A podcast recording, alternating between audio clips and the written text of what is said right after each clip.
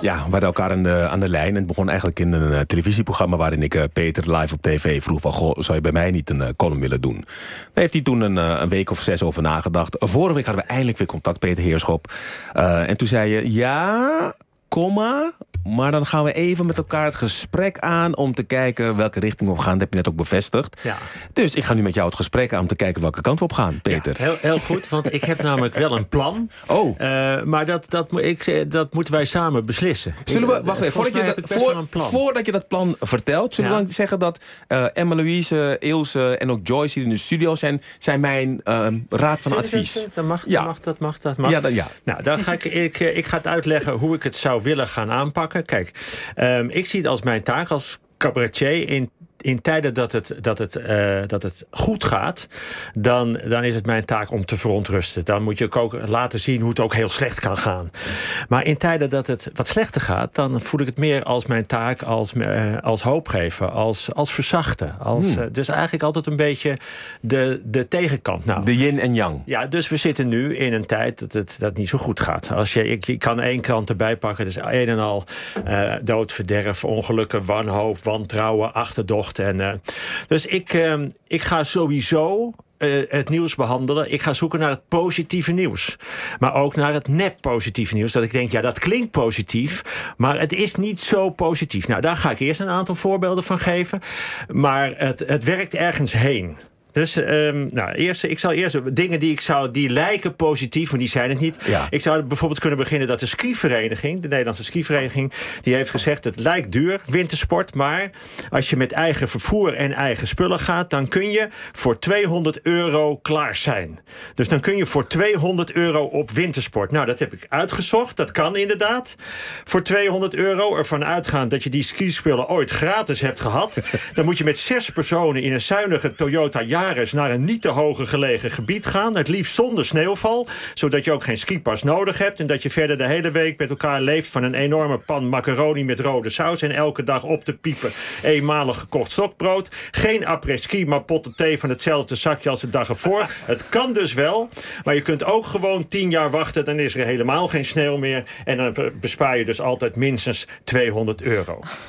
Ook een, uh, het lijkt een positief nieuwtje, de Belastingdienst. Nou, als je van plan bent een kind te nemen... dat is ook zoiets dat je besluit een kind... dat moet ook maar lukken, maar goed. Ja. Als je van plan bent een kind te nemen... dan kun je dat financieel het best doen voor 1 januari 2025. Erna vervalt namelijk het belastingvoordeel over 12 jaar gespreid... van 30.000 euro per kind. Dat heeft iets te maken met toelagen voor werk- en kinderopvang. Dus het geeft voor kinderen geboren voor 2025 een belastingvoordeel van 30.000 euro over 12 jaar. Nou, Mijn overbuurvrouw heeft zitten rekenen. Het moet voor haar mogelijk zijn om voor 2025 twee kinderen te krijgen. Dat is een winst van 60.000 euro. 30.000 euro per kind. Maar ze vergeet dan wel dat een kind in de loop van 12 jaar minstens hetzelfde bedrag kost.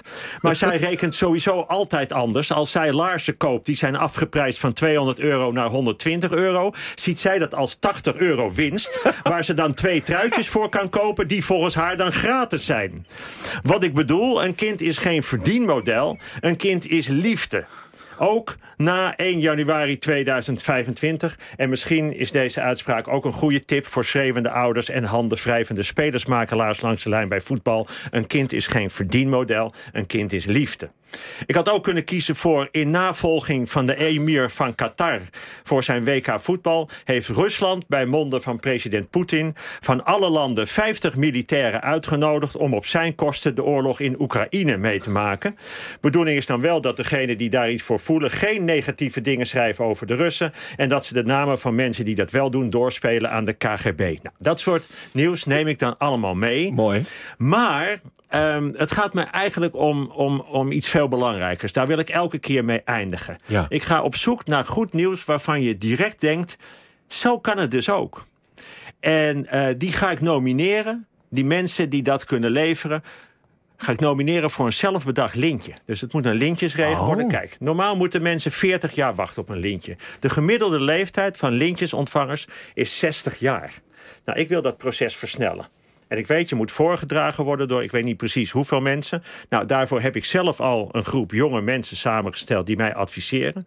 En we hebben de luisteraars. Iedereen mag iemand van die week nomineren.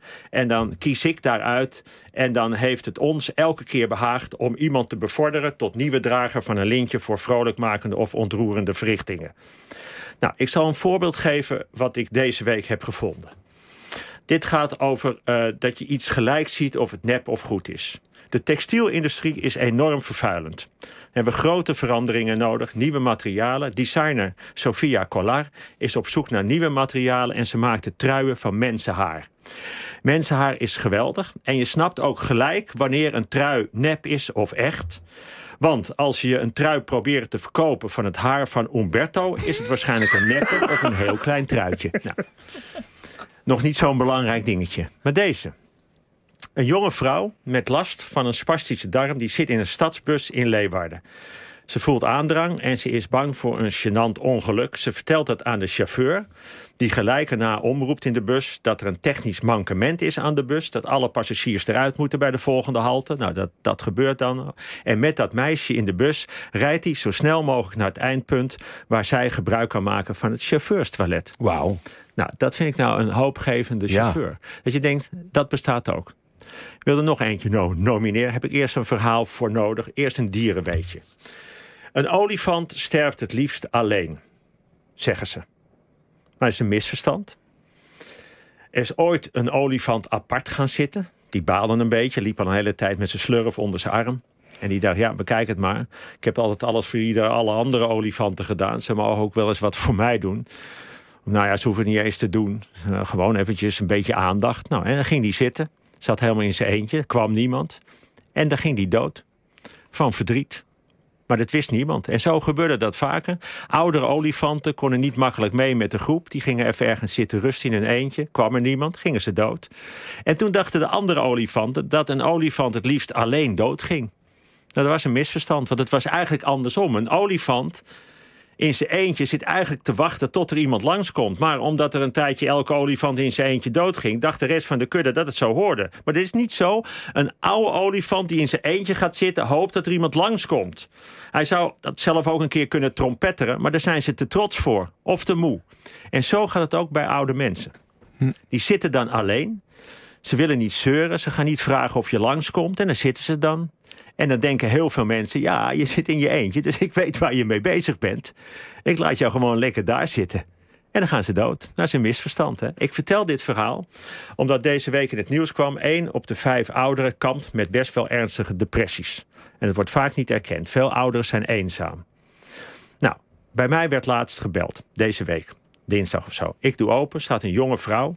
Ik vraag haar natuurlijk gelijk voor welke organisatie ze komt... en waar ik lid van moet worden... en of ik ook eenmalig een bedrag kan geven. Nou, het ging het daar helemaal niet om. Uh, ze vroeg mij of er iets was waar ik me zorgen om maakte. Eh, ik vond het heel ongemakkelijk. Het maakte me ook heel achterdochtig. Ik denk misschien toch een Jehovah-getuige vermomd als aardige vrouw. Of ben ik straks opeens lid van de stichting tegen circusberen in het zuiden van Oezbekistan. Nee, ze vroeg of ik behoefte had aan een praatje. Of misschien kon ze wat zorg wegnemen. Waar maakte ik me zorgen over? Of ik het gevoel had, nou ja, of dat ik iets wilde doen voor andere mensen. Of kent u misschien iemand in, iemand in de buurt die behoefte heeft aan een praatje? En langzaam drong het tot me door. Dit was gewoon een aardige vrouw. Ja, zei ze. Ja, ze had besloten om één middag in de week iets voor mensen in de buurt te gaan doen. En dat deed ze nu drie maanden en het was bijzonder leuk. Er waren ook heel veel mensen die haar gelijk wegstuurden. Van ga weg en, we hebben geen zin hierin. Maar er zijn ook heel veel mensen die het, die het wel leuk vonden. En het was, uh, ze heeft de achterdocht weggenomen. Mooi. Nou, ja, dat vond ik ook mooi. En dan zouden we nu kunnen gaan kiezen. Mhm. Eh, de chauffeur of degene die eh, van haar een trui maakt. Of, of dit, dit meisje. Nou, die, die krijgt dan een lintje. Een grote een onderscheiding in de, in de orde Heb van... jij een zo voorkeur? kan het dus ook. En dan gaan we die bellen. En dan, Oh. dan, dan gaan we die een lintje geven. Dus eigenlijk wil ik zo een beetje door het nieuws heen. En dan altijd eindigen met... Nou, een lintjesregen. Onze eigen lintjesregen. Ik vind, Vind je- vind je dit, dat wat? Ik vind dit, Peter Heerschop, een uitstekend idee. Ja, En ik denk ook echt dat ehm, de luisteraars van Radio 1... maak gebruik van de app uh, Mannen en Vrouwen... Ja, ja. NPO Radio 1 app als je suggesties hebt. Maar ook als je dit verhaal gehoord hebt van Peter. Want ik vind het wel een hele mooie vorm. En dan kiezen we gewoon één. Nou, ik heb ook nog zo'n goed verhaal over een loodgieter. Die, nou, maar dat komt, dan dat de, komt volgende de volgende keer. Ja, maar oké. Okay, dus, zullen we- en dan- en mensen mogen nomineren. Ja. En Kijk, ik zou hier... Ik vind in dit hele verhaal... Ik vond die chauffeur vond ik een geweldig verhaal. Zeker. Eh, Zo'n buschauffeur die denkt... Oh, dit, de- deze, deze vrouw die moet ik gelijk helpen. Dat ga ik zo aanpakken. Het is in de stad. Die mensen die, die eruit moeten... pakken de volgende bus. Het lukt allemaal wel. Zullen we dan voor deze keer zeggen dat de chauffeur... het eerste Nou, virtuele lintje... het eerste lintje. En zo krijg je elke week krijgen mensen een lintje. Ja. En, en op het eind krijg je een reuze onderscheiding van één iemand die daar net nog wat bovenaan En als die chauffeur weet dat hij het is, of zij, ik weet niet wat het is... laat die contact met ons opnemen via de app. Ja. Nou,